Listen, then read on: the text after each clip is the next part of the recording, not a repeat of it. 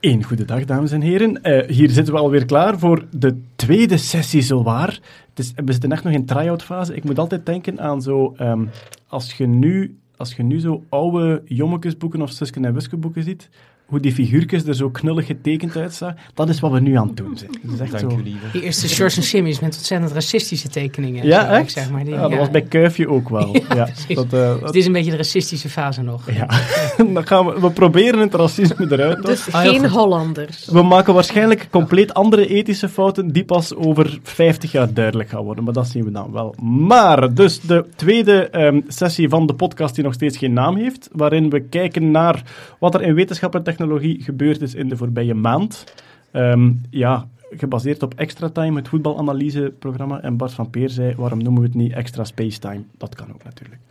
Eh, we zitten hier met Hetty van Helsmoortel, Zonder van. zonder van Hetty Helsmoortel, lief. met nederige excuses. Topzwanger. Ja, hoogzwanger. Ja. Voor wanneer ben je uitgerekend? Voor binnen tien dagen. Tien dagen. Ja. Oké. Ja, de volgende podcast is pas over 30, dus dan sta je er alweer. we zien wel. Nee, niet, we zullen wel zien. Eh, we gunnen u uw eh, moederschapsrust. Dus eh eh, Hetty zit erbij alweer. eh Diederik Jekel, onze eerste internationale gast. Helemaal vanuit het Hoge Noorden. Ja. Dus mensen die in Nederland ook de Wetenschapstv volgen, die kennen Diederik van de kennis van nu. De eh, Nationale Wetenschapsquiz, daar maak je de vragen voor, denk Ja, ik. daar hè? heb ik vragen voor gemaakt. Ja, En- oké. en, en allerlei grote praatprogramma's om over wetenschap te praten als er nieuws is of zo. Ja, Wereldrijd Door af en toe. Dat soort ja, dingen. voilà. Precies, RTL uit. Ja. Oké. En momenteel wereldberoemd in Nederland door De Mol. ja, Maar dat is entertainment en vanavond gaat het over inhoud. absoluut. Zeker. Vooral niet leuk zijn. Nee. Marian Verhelst, Ja, welkom. Hallo. Ehm, eh, ja, eh, in de eerste plaats elektronica-ingenieur, denk ja, ik. de microelektronica. Microelektronica-ingenieur, chips. Ja, ja. Bij, bij Intel gewerkt. ja, bij Intel gewerkt, nu bij KU Leuven en daar mijn onderzoeksgroep. Ja. Ja. En ook heel erg bezig met de, de communicatie. Ja, graag bezig met wetenschapscommunicatie eh, in het algemeen, via media, maar ook via lezingen, eh, middelbare scholen enzovoort. Ja, Ja. De hele stembeweging. Prachtig. Op tv bij het Lichaam van Koppels regelmatig. Ja, de voorbije drie seizoenen. Ja. En bij Van Gils en Gassen ook wel eens gepasseerd, denk ik. Of- Ja, en bij Lieve Schijven. Ah ja, dat is juist. We hebben daar samen nog gezeten. Dat klopt. Ja. Dat gebeurt. Nog meer VRT eh, in de hoedanigheid van Kurt Beheid. Ja, goeiedag. Eh, momenteel vooral backstage geek, hè? Ehm, ja, een beetje wel. Dingen aan het programmeren en eh, social media, online Een dingen. beetje strategisch aan het nadenken over social media voor de Ja, VRT. Ja. Oké, maar als het van jou zou afhangen, zou je de hele dag solderen en 3D printen. Ehm, ja, en een beetje programmeren, een beetje maker zijn. Ja, een Ja, beetje voilà. nerd uithangen. De makerdroom. En dus inderdaad ook een van mijn broeders in de schuur van Scheire. En in het echt altijd mijn broeder. Kijk, het is al een emotioneel moment. Goed, dus eh, we gaan gewoon niet te veel tijd verspillen verder. En we gaan kijken naar een paar onderwerpjes die gepasseerd zijn. Eh, wij pretenderen geen volledigheid. We kijken gewoon naar wat, waar de meeste aha-erlevenis en eh, beleving in zit. En ik denk het, ja, toch wel een beetje het topwetenschapsnieuws, denk ik, was, waren de, de grote aankondiging van de NASA dat er in een ster naar, ehm, naar astronomische normen vlak bij ons in de buurt zeven planeten zijn in de aardachtige zone. De pers heeft daar onmiddellijk van gemaakt zeven planeten die mogelijk bewoond zijn, maar die publication bias, daar gaan we straks over. Eh Diederik, heb je dat in Nederland ook gebracht, dat onderwerp? Of? Ja, bij ehm eh, RTL Late Night eh, zouden ze het hebben. Ik heb bij allerlei radioprogramma's nog over gehad. Ehm, het, ja, het, het, is, het, was, het was groot nieuws. Het was natuurlijk... Het is wel interessant dat ik als enige Nederlander het natuurlijk over heb. Want het was wel een Vlaming die... Een Waal. of een Waal, oké. Ja. oh, excuus. Iemand uit, het Belgisch grondgebied. Allemaal. België. Ehm, die, eh, excuus. Die, ehm, eh, van, van, van Luik, geloof ik, die, Mhm. die dat eh, ontdekt heeft met een satelliet genaamd de Trappist 1. Dat is dan, of een telescoop bedoel ik, dat is dan toch wel weer erg. Natuurlijk, daar moesten wij wel weer een beetje om grinniken. Dat de Belgen. Was het Eh, dan wel echt, dacht dat je is bij jezelf? acroniem, zeg maar, eh, trappist voor maken. Eh, maar, maar goed, het is dus een, eh, een, een ster die, die 40 lichtjaren van ons van, vandaan zit. En dat is inderdaad wat je al zei, hartstikke dichtbij. En wat zo bijzonder was, is dat er dus zeven planeten omheen zitten. Het is al heel knap dat dat gezien is, dat, dat, dat je dat kan analyseren en kan vinden. Ehm, die planeten waren allemaal ehm, van het aardachtige formaat. Dus niet mega groot en niet mega klein. En van die zeven waren er, ik geloof drie of vier, die echt wel in de leefbare zone zitten qua temperatuur. Dus, Ja. dus er zijn allerlei voorwaarden voor waarop potentieel leven mogelijk zou zijn. Daar is aan voldaan. En het interessante is voornamelijk dat ja, we kunnen pas sinds eind jaren negentig überhaupt planeten om andere sterren heen zien. En, en dit soort ontdekkingen, zeker zo in onze achtertuin, doet vermoeden dat aardeachtige planeten helemaal niet zo uniek zijn. En dat er vele miljarden waarschijnlijk alleen al in ons melkwegstelsel van zijn. En Ja. dat, dat is natuurlijk een interessante gedachte. Of daar dan misschien een, een andere evolutie ook plaats heeft gevonden. In, in de formule van Drake is dat een van de factoren in de inschatting van hoeveel, hoeveel sterren hebben planeten en Ja. hoeveel daarvan zitten in de leefbare zone. Eh, wordt ook wel eens de goudlokjeszone genoemd, naar Ja. het sprookje van Goudlokje, Van dat meisje dat huisvredebreuk pleegt. bij En- drie beren. Ja, En het ene papje is te koud en het andere te warm en het derde net goed. En dus planeten die te dicht bij hun ster hangen, die zijn te warm voor water. Die te ver van de ster hangen, zijn te koud voor vloeibaar water. En ze kunnen berekenen voor elke ster wat dan de goudlokjeszone is. Daar zit natuurlijk al een beetje een aanname in dat water, vloeibaar water, een essentie is voor het leven. ja maar die, die, die temperatuur heeft ook te maken met alle andere moleculen. Dus als je kijkt naar hoe groter en lomper moleculen worden... en, en ervan uitgaand als je complex leven hebt... dat het wel lekker is dat je een wat ingewikkelder molecuul op een gegeven moment hebt. Al het complexere leven uit eiwitten en, en al dat Ja. zingen. Dat zijn wat grotere moleculen en die kunnen niet zo goed hard trillen. Dus naarmate het veel warmer wordt, gaan die gewoon op een gegeven moment kapot. Oké. Ehm, dus, dus, en, en als het te koud is, ja, dan gebeurt er gewoon niks. Scheikunde staat op een gegeven moment stil als het echt te koud is. Dus dat zijn wel redenen om voor die temperatuur dat dat erg prettig is. En met dat water, het is een terechte vraag die je zegt van, ja, maar dat is wel vanuit het perspectief vanuit ons leven en wat wij denken. Kan je nou niet eens fantasievoller zijn en, en uraniumbeestjes eh, bedenken of wat dan ook? Ja, dat zou wel kunnen. Alleen we kunnen niet een apparaat maken als wetenschappers wat alles onderzoekt. Waar gewoon één rode knop op zit met één knipperend ledje waar je gewoon op drukt en dat onderzoekt alles. Je, je moet een specifiek iets zoeken. En als je kijkt op aarde, werkt alles met water.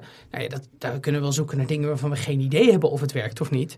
Maar water is in ieder geval waarvan we wel weten dat het werkt. Namelijk alles op aarde in haar oneindige diversiteit. Ja, Dus ja, het is op zich geen gekke gedachte. Het klopt, ja, maar vooral het, het feit dat je zegt, je kan niet alles onderzoeken, we kunnen, maar, we kunnen maar afgaan op wat we kennen, en we kennen maar één levensvorm, en dat is hier op aarde natuurlijk. Hè. Dat is die koolstofgebaseerde eh, levensvorm op aarde. Nu, eh, het ontdekken van planeten, eh, voor zover ik weet, want ik heb ooit wel eens meegedaan met het ontdekken van planeten, wat iedereen van thuis uit kan doen op Galaxy Zoo, waar je bij Planet Hunter mee ja, ehm, lichtsterkte ehm, eh, lichtsterkte grafieken van sterren kan ontleden om te zien of daar planeten rondhangen. Eh, planethunter.org, denk ik.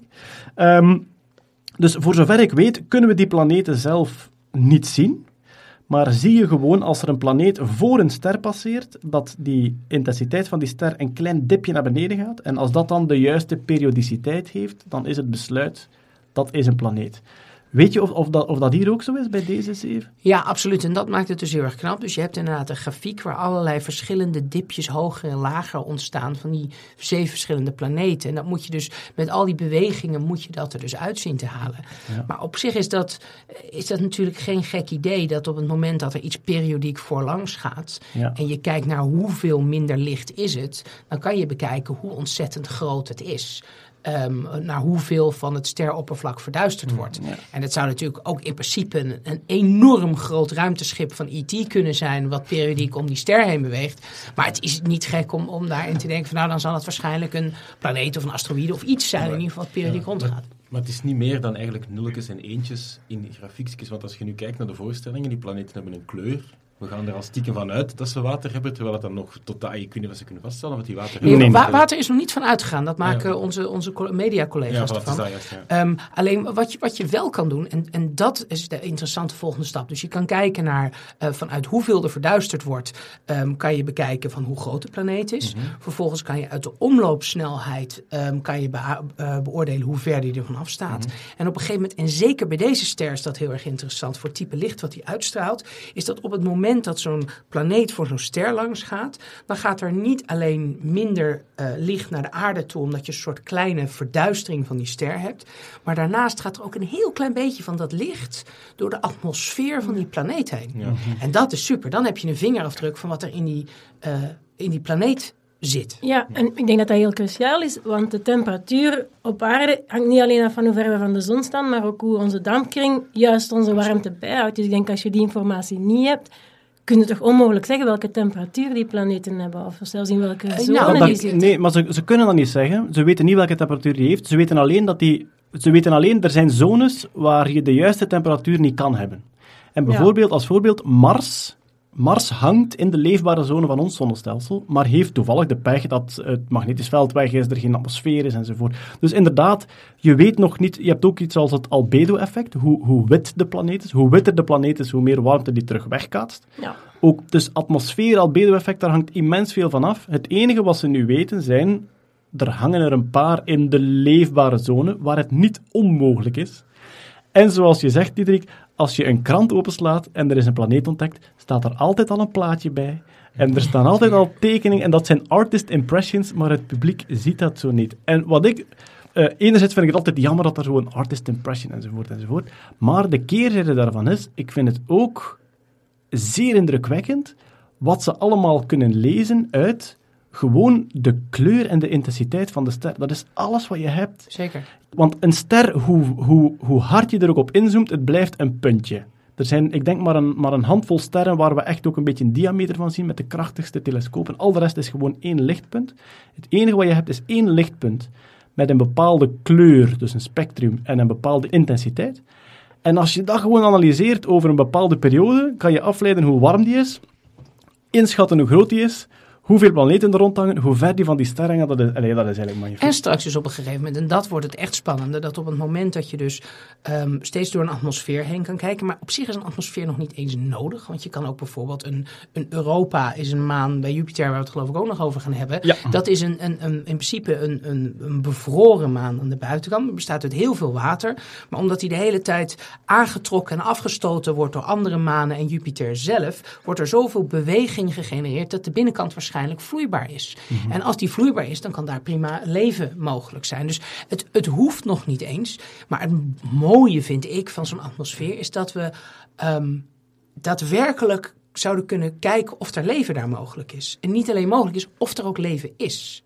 Dus stel je voor dat E.T. naar ons had gekeken en de afgelopen 150 jaar gekeken had naar hoe onze atmosfeer aan het veranderen was, dan had hij iets van 100 jaar geleden gezien dat er ineens heel veel lood de atmosfeer inkwam eh, vanwege de loodtoevoeging in de benzine. Had hij 150 jaar geleden gezien dat de CO2 ineens heel erg toenam. De kernproeven van de jaren 50 had hij terug kunnen zien. Er zijn alle de, de CFK's van de jaren 70. Dus, had, dus wij zijn onze atmosfeer zo heftig aan het veranderen op een manier die op een natuurlijke wijze zonder, en dan gebruik ik nu aanhalingstekens die je met een podcast niet kan zien, intelligente wezens die hun atmosfeer kapot aan het maken zijn.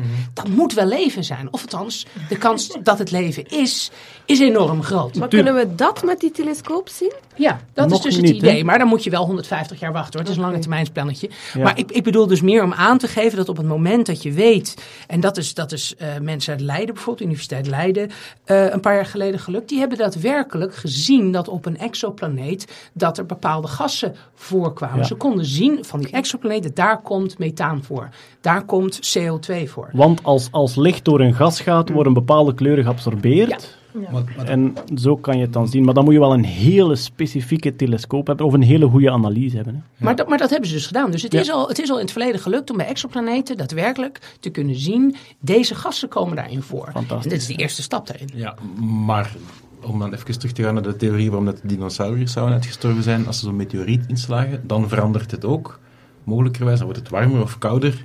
Je klimaat wijzigt. Dus het zou ook kunnen zijn dat er veranderingen zijn zonder dat er leven is op die planeet. Ja, maar er zijn, er zijn een paar specifieke dingen en zuurstof is de belangrijkste. Zuurstof is zeer reactief. Iedereen die ijzer nat buiten laat liggen, die ziet dat. Zuurstof vreet alles aan. En zuurstof, zuurstof verdwijnt gewoon. Zuurstof is zo reactief, het verdwijnt uit een atmosfeer tenzij het aangevuld wordt.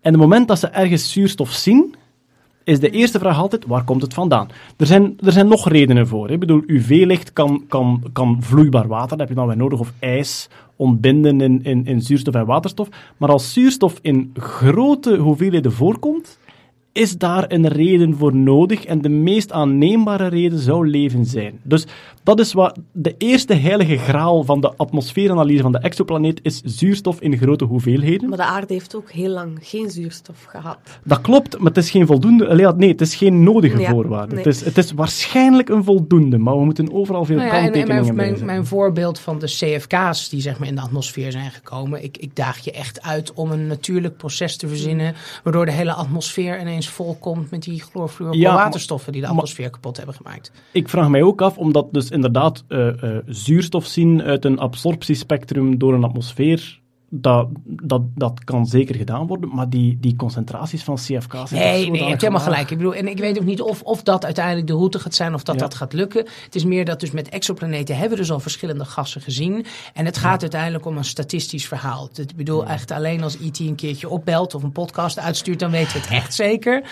Maar tot die tijd kan, zijn er wel bepaalde dingen. En het gaat natuurlijk ook om er een beetje iets spannends van te maken. Kijk, die artist impressions, dat is natuurlijk gevoelig. Maar ik weet wel dat ik als kind verliefd ben geworden op de Ja. artist impressions van NASA. NASA doet ze zelf. Waardoor ik zeg maar uiteindelijk wetenschapper ben geworden. Ik had die dingen boven mijn bed hangen. Niet van astronauten, maar van planeten.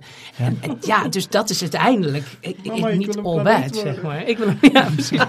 Nog iets je meer bent al eten. dik. Nee, nee, nee. Maar dus, dus, dat, dus, dus dat was... Dat, ja, ik ben niet helemaal tegen de artist impression. Maar je moet het wel een beetje inkleden. Ja, moet Ja, wel de vraag van 1 miljoen blijft toch... Vermoed, we kunnen wel schatten hoeveel planeten er ongeveer zijn. En nu met meer en meer analyses, hoeveel procent van die planeten zitten nu in, in onze goudlokjeszone. Maar hebben we dan enig idee in een planeet waar de omstandigheden optimaal lijken, hoeveel kans er is dat er daar dan leven ontstaat? Is dat bijna zeker? Of is dat dan nog zo'n fractie van een percent toevalligheid? Dat, Dat is is- heel veel toevalligheid, hè. Maar dat is een prachtige factor uit de, de eh, vergelijking van Drake. hè. Dus Drake, die, Drake heeft geprobeerd om een logische vergelijking op te stellen van, om een inschatting te maken hoeveel technologisch geavanceerde beschavingen er in onze melkweg zullen zijn. Bon. En dat is gewoon een opsomming van factoren, heel simpel. Hoeveel sterren zijn er? Ja. Hoeveel sterren hebben planeten? Hoeveel van die planeten hangen in de leefbare zone? Ja. En dan komen de moeilijke factoren. Als de omstandigheden optimaal zijn op een planeet, wat is de kans dat leven ontstaat? Daar is een schatting van gemaakt, maar de foutenmarge is zo belachelijk groot dat die eigenlijk onwerkbaar is. Maar daar zijn argumenten voor en tegen. Ehm, en het grootste argument voor is, voor zover de huidige kennis van de geschiedenis van de aarde reikt, vanaf het moment dat de omstandigheden optimaal waren op aarde, is eigenlijk bijna onmiddellijk gebeurd. En dat is, dat is een beetje het argument van de optimisten. Op aarde, als het ideaal was, is het onmiddellijk gebeurd. Maar daarna komen er nog factoren bij Drake. Als leven ontstaat, wat is de kans dat het zich ontwikkelt tot complex leven? Dat het... Op aarde zijn wij een miljard jaar eencellig gebleven. Een miljard jaar! De, de, de paleontologen noemen dat de boring billion. Het saaie miljard. Maar stel je dat voor, 1 miljard jaar. En de grote vraag nu is... Misschien is de grootste toevalsfactor in, ons huidige, eh, in de huidige vorm van complex leven op aarde. Er zijn nog verschillende kandidaten. Ofwel het ontstaan van, ehm, en nu kijk ik naar jou, Hetty, eh, van de overgang van eh, de ene karyoot naar de andere. Prokaryoot naar de eukaryoot. Voilà. Ja. Dus de, de grote vraag is nu, is dat de grote toevalsfactor geweest? En dan vooral eh, multicellulair leven. Het zou kunnen dat leven snel ontstaat en multicellulair leven zeer traag.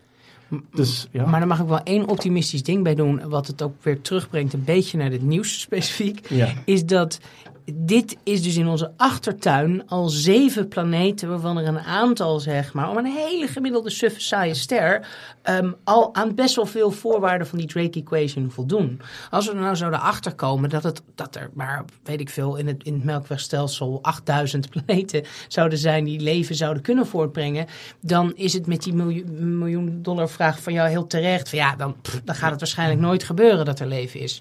Maar er zijn er zoveel miljarden. Ja. Ja. Nou ja, dan is er toch wel misschien een grotere kans op leven. En dat is wel interessant. Maar dus gezegd, direct de raket er naartoe sturen.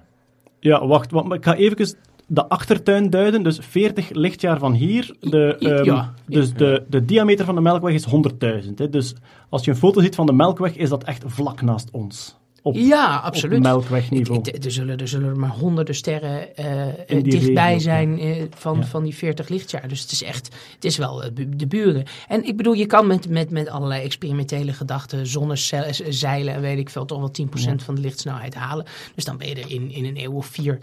Ehm, maar goed, Vlakbij, vlakbij. uit- uiteindelijk, 400 joh, dat. Maar dat ja, is het- dan 16 generaties. probleem Ik bedoel, is- Waar hebben we het over? Het Het- probleem daarbij is dat als we er nu een lanceren die daar over 400 jaar toe komt, wat al optimistisch is hoor. ja, ja. Als we die nu lanceren, die komt over 400 jaar toe, dan vind ik het geen absurde aanname dat er tegen dan Een al snellere raket is. natuurlijk een snellere gelanceerd is. Nou, zwart. ik heb nog één iets over exoplaneten en vooral over de atmosfeer waar je het over had. Mhm. En dat is de vraag. Ik heb de indruk dat het feit dat, wij als levensvorm naar de grens vast oppervlak gas gekropen zijn, dat dat een beetje een, eh, dat dat een, beetje een soort vlucht is. De meest logische plek voor leven is toch in, in de vloeistof. En wij zijn daar ontwikkeld en pas als we, pas als we een beetje in dat kraambed van die vloeistof en die zee groot. Ik zie geen leven ontstaan... Ik zie geen leven ontstaan op een vaste aarde en in gas.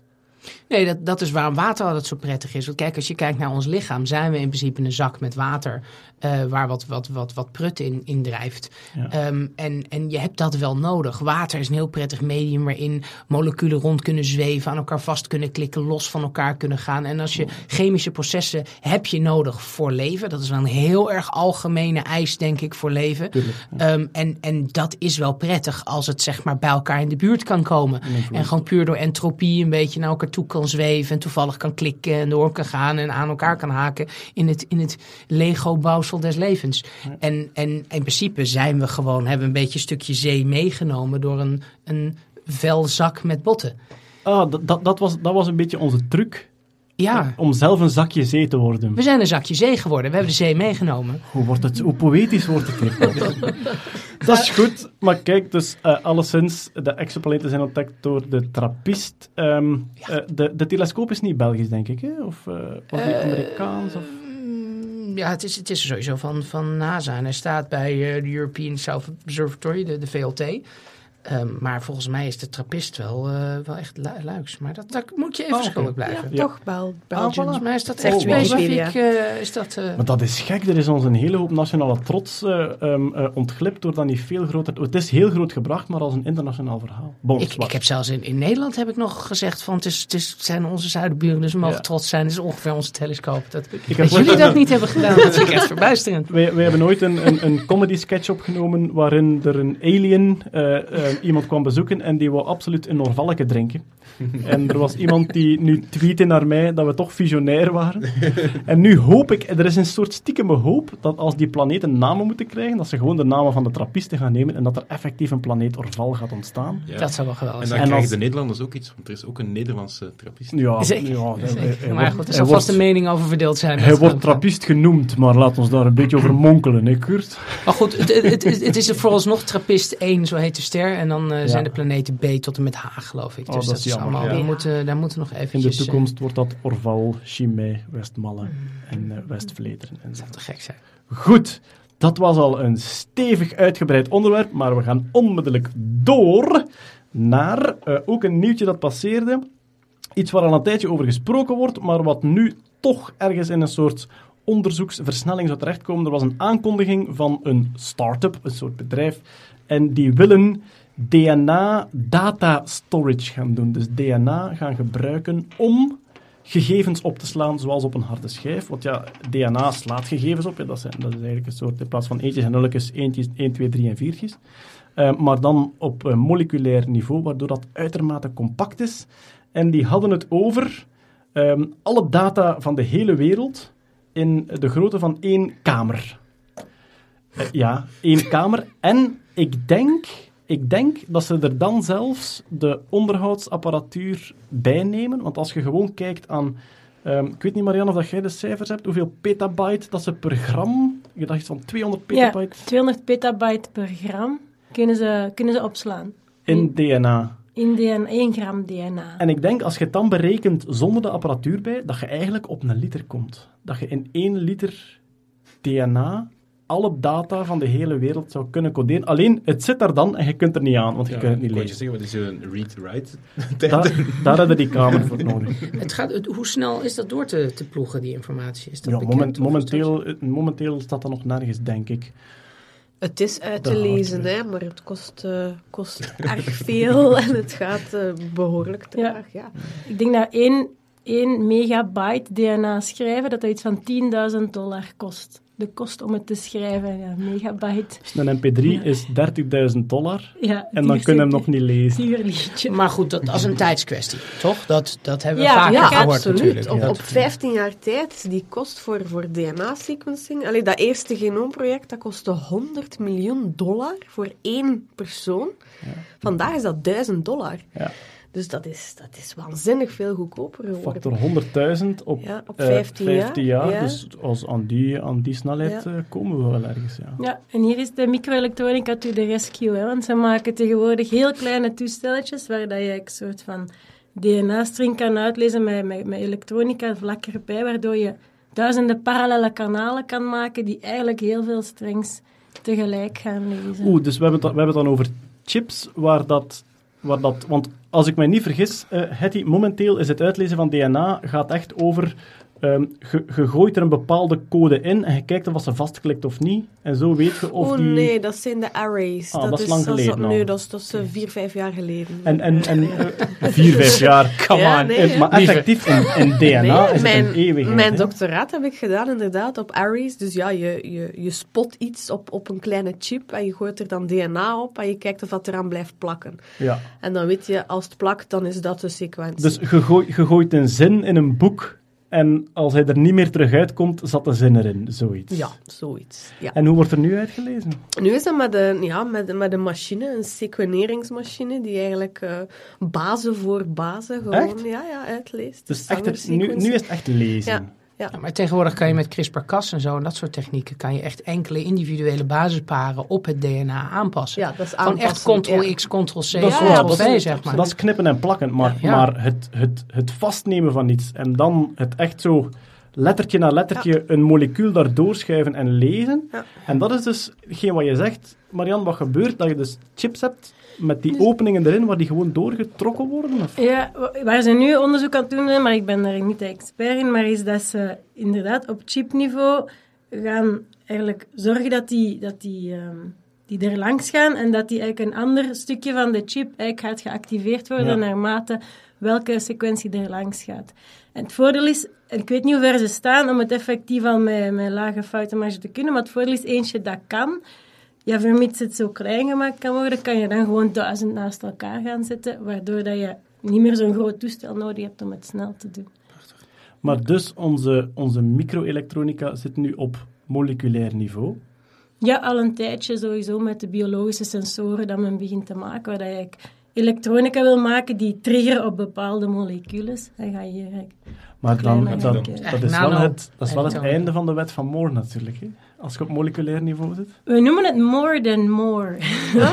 Er is een marketingterm voor. Er is een marketingterm Dat is voor. een nieuwe hype in de elektronica. De wet van Moore begint zo'n beetje te, te kraken en we geraken niet meer kleiner. Dus nu gaan we more than more doen. Want dat is hetgeen wat je gezegd hebt in de schuurniker, maar de wet van Moore begint aan een einde te komen, omdat de fysieke plaats om nog extra elektronen te steken, dat die gewoon op is. Het komt er eigenlijk op neer dat je transistoren begint te maken waar dat je bijvoorbeeld in je gate of in je kanaal en in bepaalde delen van de transistor nog maar een paar atoomlagen Mhm. De, bouwstenen hebt. van de computers. Nog Ja, de iemand. bouwstenen van de computers die worden zo klein dat je ze bijna met individuele atoomlaagjes moet gaan opbouwen.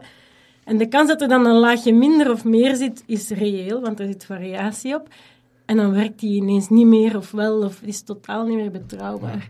Nou, je moet je maar kleine- voorstellen, als je, als je een draadje hebt... Ik heb, ik heb zelf eh, in de supergeleiding atoomlaag voor atoomlaag tijdens mijn studie dingen gemaakt. En het bizarre is dus dat als je uitgaat van iets wat twee atoomlagen dik maar is... Dat is onbeschrijfelijk. Ik bedoel, een, een, een, een haar is zeg maar sowieso, eh, wat is dat, 70 micron doorsnede. ja, bijna dus dat is 100. iets van 200, 300 atomen in ieder geval aan doorsnede, zeg maar. Nou, we hebben het dan over twee, weet je wel. Maar dat, dat heeft een bepaalde hele hoge weerstand ook. En als je dan daar dus één atoompje mist, dan heb je dus een draadje wat ineens half zo dun is. Dan is je weerstand ineens twee keer zo hoog. Dus je, je hebt... Het is gewoon niet meer te doen om naar computers mee te Wat bouwen. heel grappig is, is hebben zelfs gezien als je naar ehm, transistoren zou gaan van 1 nanometer groot, dat is maar een tiental keer kleiner dan we nu hebben, dus we zijn er bijna. Dan begin je zo van die eh, waarschijnlijkheidsverdelingen te hebben over is het elektron nu links of rechts gegaan en, en komt het dan nog wel aan aan de andere gate en hoeveel komen er aan? En dat is, eh, daar elektronica mee bouwen wordt een enorme Want dat is on, allee, het is, je kunt je als mens sowieso geen voorstelling maken van, hoe- van hoe klein een atoom is, maar als je kijkt naar het getal van Avogadro en je kijkt naar één mol water en je weet hoeveel dat daarin zit, dan is dat al waanzin. Maar er zijn, er zijn zoveel getallen tegenwoordig in de microelektronica waar dat je als natuurkundige van achterover valt. Nu had ik gehoord, en ik hengel gewoon naar bevestiging of ontkenning bij u, hè, dat eh, computers zodanig snel zijn dat je al een, een, je hebt een lichtkegel in je computer. Dus dat, dat ehm, uw, uw opdrachten zodanig snel gegeven worden dat de volgende opdracht al vertrokken is als aan de snelheid van het licht uw eerste opdracht naar de andere kant van uw moederbord gereisd is. Wauw. Ik denk dat wat je nu... Dat je Ja, causaliteit gewoon een probleem gaat worden op een gegeven moment. Ja, maar dat is niet nieuw. Nee? Ik bedoel, nu spreek je eigenlijk over een, een processor die eigenlijk terwijl hij één instructie uitvoert, is hij de volgende al aan het lezen en de andere al aan het binnenhalen en de, enzovoort. Dus dat is eigenlijk een soort van pijplijn van instructies. Ja, ja, maar, maar dat dus het signaal loopt aan de snelheid van het licht is sowieso niets... Elke mogelijke Ja, ja. natuurkundige, natuurkundige... In de realiteit zouden kunnen zeggen, verloopt aan de snelheid van het licht. Dat die zelfs ingehaald wordt door de snelheid van uw CPU.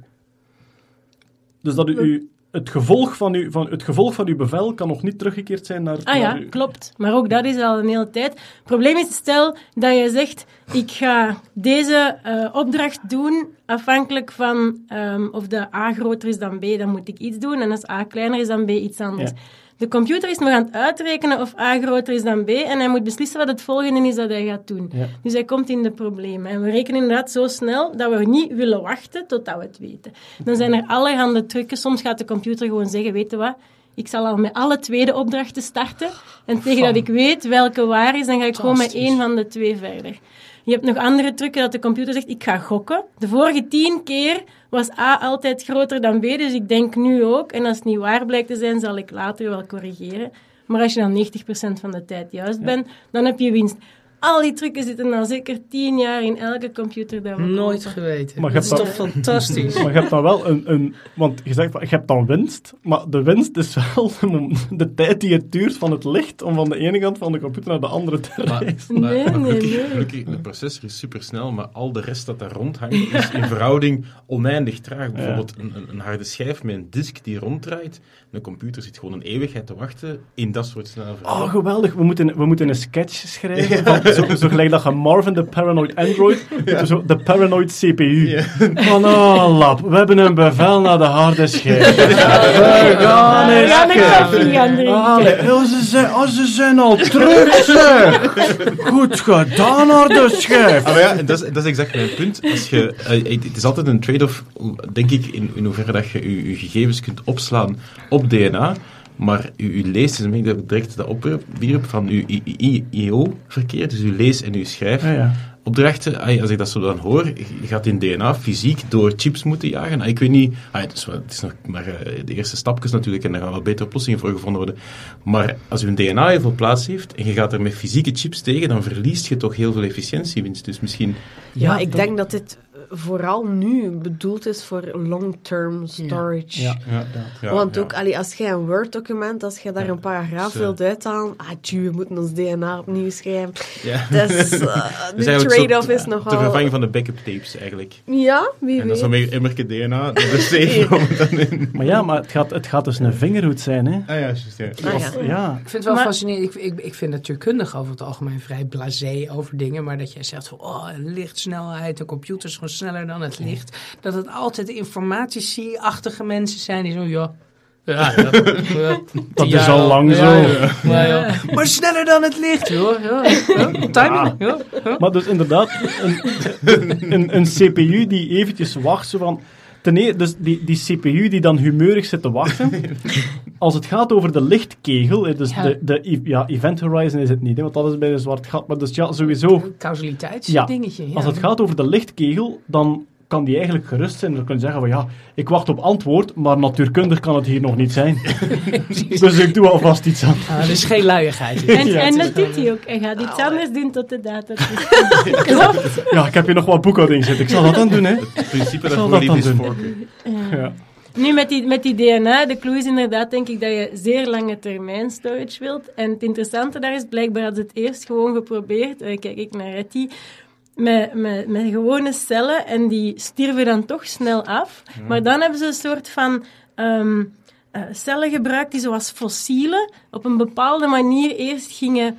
Ik weet niet wat ze ermee gedaan, maar zoals een fossiel versteend en dan miljoenen jaren kan blijven liggen. Dat hebben ze ook gedaan en dan zagen ze dat dat DNA inderdaad niet degradeert over tijd, waardoor je echt de perfecte dataopslag hebt. En dan later maakt er iemand een groot pretpark met dinosauriërs Ja, van. ik wou het je zeggen. Op een gegeven moment, in, al, in al die... Is dat, is, is dat entropisch zou je kunnen veronderstellen dat op een gegeven moment je een Word-document naar een DNA-cel schrijft en dat eigenlijk het DNA van een dinosaurus zou kunnen zijn. Hé, wacht, misschien waren de dinosaurussen gewoon, gewoon harde, harde schijven van een vorige beschaving.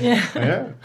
Maar het, het kan dus nu al. Hè. Ik, op Amazon is er eh, een, een pil te koop. Allee, dus je kunt daar een, een foto van je, van uw kind of weet ik veel wat naartoe sturen. En dan coderen ze op dat DNA die informatie. En je Gelijk zo uw een, naam op een rijstkorrel. ja, je krijgt een, een gouden pilletje opgestuurd. Oh, maar 80 dat of wil ik 100 dollar of zoiets. Maar dat, dat is, dat is iets waar, waar, waar dat ik zelf, want dus hetgeen dat je zegt, Diederik, als natuurkundige denkt van, oh, wij werken met de planeten en met het subatomaire. Maar in de informatica komen er waanzinnige de- dingen tegen en in de, in de biotechnologie tegenwoordig. Dus als ik het goed begrijp, Hetty, kun je gewoon op je toetsenbord een reeks eh, GCAT'tjes inknallen Ja. en naar een bedrijf sturen en die sturen u met de post. Ja, die absoluut. maken dat DNA voor u. Synthetisch DNA, ja, absoluut. Ja. Het is Ik heb best wel veel wetenschappers geïnterviewd inderdaad, die dat gewoon even vragen. En de volgende dag gewoon voor hun onderzoek moeten ze dat dagdagelijks gebruiken. Dus als je, als, je, als je zelf een codering verzint van data na, van, je, van een foto naar DNA-data, dan kun je dat gewoon bestellen en dan in een pilletje gieten en dan heb je dat. Wat ik alleen niet helemaal snap is, het DNA heeft toch, heeft toch continu allerlei fouten en dergelijke, waardoor uiteindelijk ook kanker en mutaties en allerlei narige dingen ontstaan. Maar we hebben allerlei processen in ons die het DNA stabiel houden, maar DNA is aan zich niet een mega stabiel molecuul, toch? Want je hebt best wel veel nodig, anders, anders zou het niet zo vaak misgaan in ons lichaam. Ja, het gaat mis tijdens het kopieerproces meestal. Ah, Oké. En, en in dit geval zou dat niet nodig zijn. Dus als je het met rust laat, Voilà, heel koud. Ja, maar dat doen ze. Dus wat daar ook interessant is, je hebt dus eigenlijk vier mogelijkheden. Hè? Ja. En dat wil eigenlijk zeggen dat je in één DNA-stukje twee bits kan Ja. Opslaan. Ja. En blijkbaar doen ze er maar 1,8 Acht. bit. Ja. Maar dat wil zeggen dat ze een soort encodering bovenop zetten Ah, voor ja. de fouten. Ah. Maar dat is ook Ja. bij computers. Ey, de Bij 8 CD's bytes, ook, ja. dat is een, je hebt bijvoorbeeld CRC-checks, je hebt MD5-checksums, je hebt allemaal controles, omdat er ook bij het wegschrijven soms fouten gebeuren. Dus de, de meest bekende, denk ik, is het einde van de bankrekening. Ja, dat is een Ja. dat is Dus- uw 97 Uw, geworden, uw- 97. ja, uw, uw laatste twee cijfers van uw bankrekening zijn de rest die overblijft als je alles daarvoor door 97 deelt. Ja. En dat is een hele gemakkelijke check. Je offert twee cijfertjes op, Maar wat je terugkrijgt is, je gaat het zien als iemand... eh, ja, je gaat het één keer op 100 zien als iemand... Nee, één keer op 97 zien als iemand een tikfout gemaakt heeft. Ja, dat is inderdaad om menselijke fouten tegen te gaan. Ja. Is, dat, is dat ook zo in Nederland? Ja, normaal. Ja, bij het IBAN-nummer. En, en Oh, zelfs uw rijksregister-nummer in België ook. Ja? En er zat dus een probleem trouwens met een, een, een zijsprongetje nu. Diederik haalt zijn bankkaart boven, dus die gaat, die gaat eventjes... Ga, ga jij nu uit het hoofd de, de modulo 97 berekenen? Maar van het, het totale getal. Dus. Nee, nee, je, haalt- je haalt de laatste twee cijfers Ja. van je rekening af Ja, en alle getalletjes ervoor tik je in ja. en dan de rest die overblijft En dat de- als dat je door modulo 97... Ja. Fantastisch. Terwijl Diederik dat doet, eh, kunnen wij gezellig naar het volgende onderwerp. Het vorige was eigenlijk informatica, maar wel heel dicht bij de DNA. Ik ga toch nog eens vragen aan jou, Marian. Eh, geloof je daarin of heb je daar bedenkingen bij? DNA, data, opslag. Namelijk die grens tussen biochemie en elektronica. Ik denk dat, we, dat, dat er zeker veel gaat gebeuren de komende jaren, eh, de- decennium zal ik zeggen, rond die biochemie en elektronica. Voor die DNA-opslag geloof ik eigenlijk wel hard in de opslag. Maar men zit nu ook heel veel bezig met DNA-computers. Dus ik heb DNA en dat gaat dan beginnen, ik kan daarmee rekenen, want als ik daar acties op doe, komen er andere DNA-strengetjes uit. Men heeft wel computers gebouwd, maar daar denk ik dat het nog heel ver af zijn van een oplossing. Waar dat ze daar heel hoog van de toren van blazen, is dat DNA kan zichzelf vermenigvuldigen. Dus stel nu dat ik een rekenprobleem heb en ik heb mijn optie A of optie B. Ik kan gewoon in plaats van eerst de ene te moeten doen en dan de andere, kan ik zeggen, oh, laten we ons verdubbelen en elk een optie uitkiezen. En dan kan je eigenlijk blijven rekenmogelijkheden bij creëren als het nodig is. Er zijn die onderzoekers heel Parallele over, eh, universa ja. eigenlijk. Hè? Maar, waar- Heel erg maar mee dat- bezig, maar om maar- DNA te dupliceren heb je toch een grondstof nodig. Dus dan moet die computer heel een tijd grondstof zitten geven om Ja, te en dupliceren. ook- of- en ook en weer afvoeren, de dweilen om dan alle... Ja. Maar die, die, die grondstof is Dood, uw, dood is maar. uw celinhoud eigenlijk. Dus en uw bazenparen, je kunt dat gewoon aankopen. En, eh, Ja, oké, maar dus als je, als, je, als, je het wilt, als je het wilt kopiëren met biologisch proces, ja, moet dan een je enzym hebben. gewoon een, een celletje nodig Zelfs met, geen hoe heet ze? Transporter-RNA'tjes, en dat die, die dus waar dat een aminozuurken op zit. Uw eh, Uw tRNA's. tRNA's. ja. Transfer-RNA's. Maar heb je, dat hebt u niet nodig, hè? dat is om de vertaling naar uw eiwit te doen. Als jij gewoon DNA Ah, is wilt juist. kopiëren, dan juist, heb ik je gewoon een enzym nodig en, Ah, uw, dat is waar. en uw bouwsteentjes. Voilà. Voilà, kijk, go- goed om de life sciences ook aanwezig te hebben. Ik ging alweer helemaal de, de mist in. En we gaan eh, eigenlijk verder op hetzelfde onderwerp, maar dan in de biologische kant. Want een van mijn stokpaardjes was weer in het nieuws. Er eh, is een instituut die een, ehm, eh, ja, een tijdshorizon van 2019 voorop stellen voor het klonen van een mammoet. Het klonen van een mammoet. Ik wil een jingle, want ik, ik begin er altijd weer over, omdat het lijkt mij zodanig spannend. Er zijn al vijf films over gemaakt waar het misloopt. hè. Ja, maar dat is het probleem. Dat is het probleem. Die films die zochten sensatie en die hebben het publieke draagvlak vernietigd. Want iedereen begint altijd maar over Jurassic Park als het over een mammoet gaat.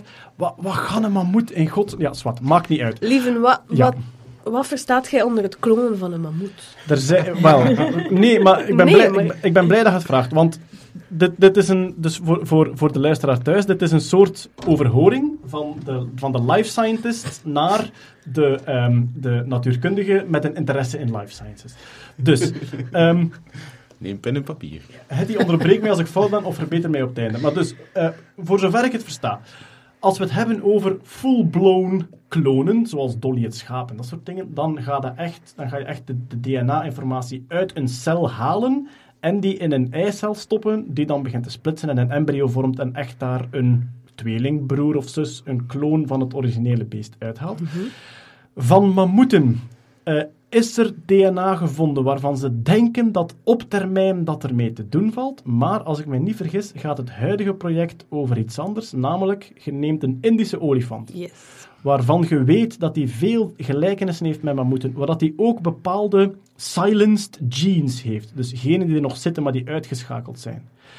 En dat ze die dan met een beetje CRISPR en gedoe, dus CRISPR, de nieuwe techniek waarmee ze kunnen knippen en plakken in DNA, zouden ze van een Indische olifant die een beetje manipuleren, dat die zo goed mogelijk lijkt op wat zij denken dat een mammoet was. Ja, de, de innerlijke mammoet naar boven Ja. brengen. Zeg Ook uiterlijk.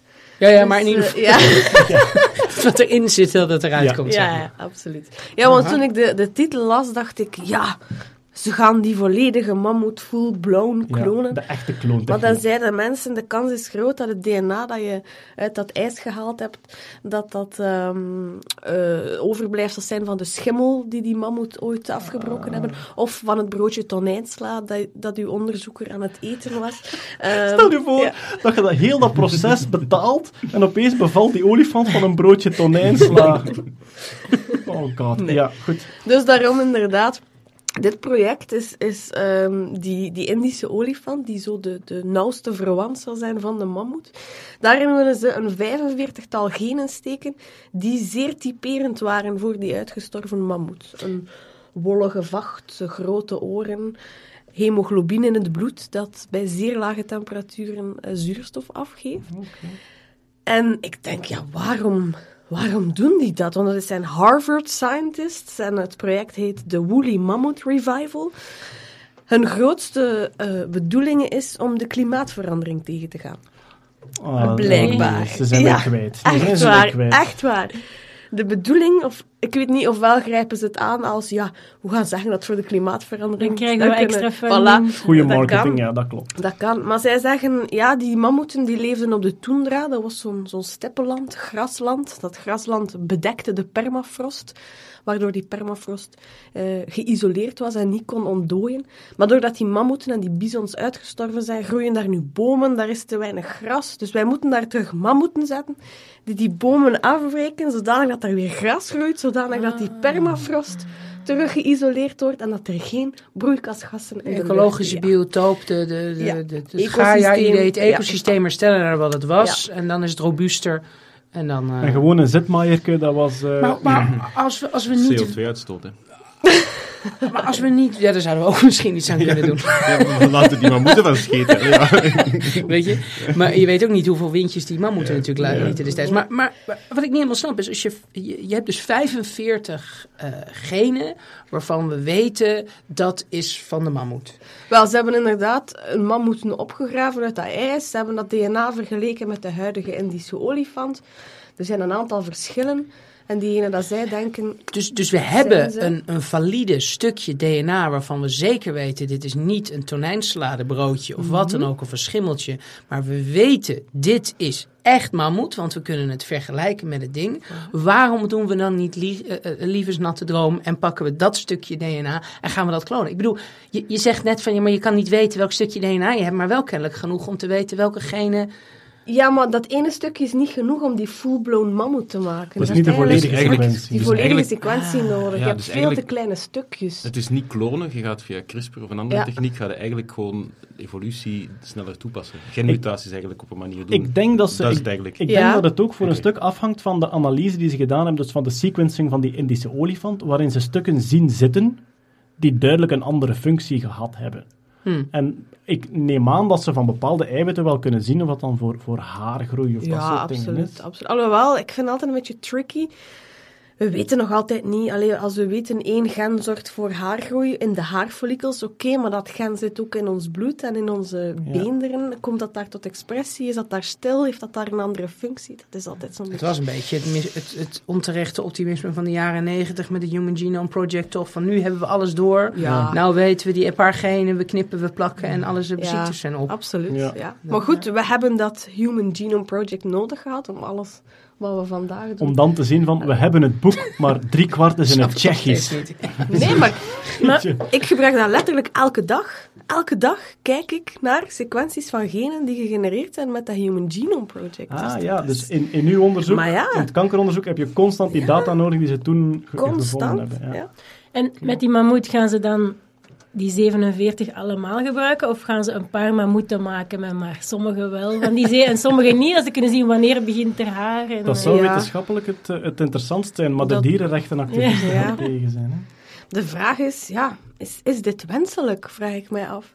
Er is ook zo'n project opgegooid om een Neandertaler opnieuw te creëren. Ja. Dan wel full-blown, hè. Dus we gaan, we, ja, we gaan er even een kanttekening bij zetten. Dat gaat over eh Michio Kaku, heet hij, Ja, denk ik. Dat zo is die, van een paar jaar onze- geleden wel, hè. Die- Grijsharige Ja. natuurkunde. Ja. de, meneer. Japan, die, de Japanse natuurkundige. Die, die, Theoretisch, fysicus, Ah, wel, natuurlijk. die sowieso, een, allee, die sowieso echt een, een, een, eh, een, een zeer degelijke wetenschapper is. Maar die heeft een liefde voor futurisme. en, en voor het ver doordenken op dingen, wat ik ook heb, hè. Eh, daar, daar niet van. Maar, maar hij vergeet soms de asterixjes te plaatsen, heb ik de indruk.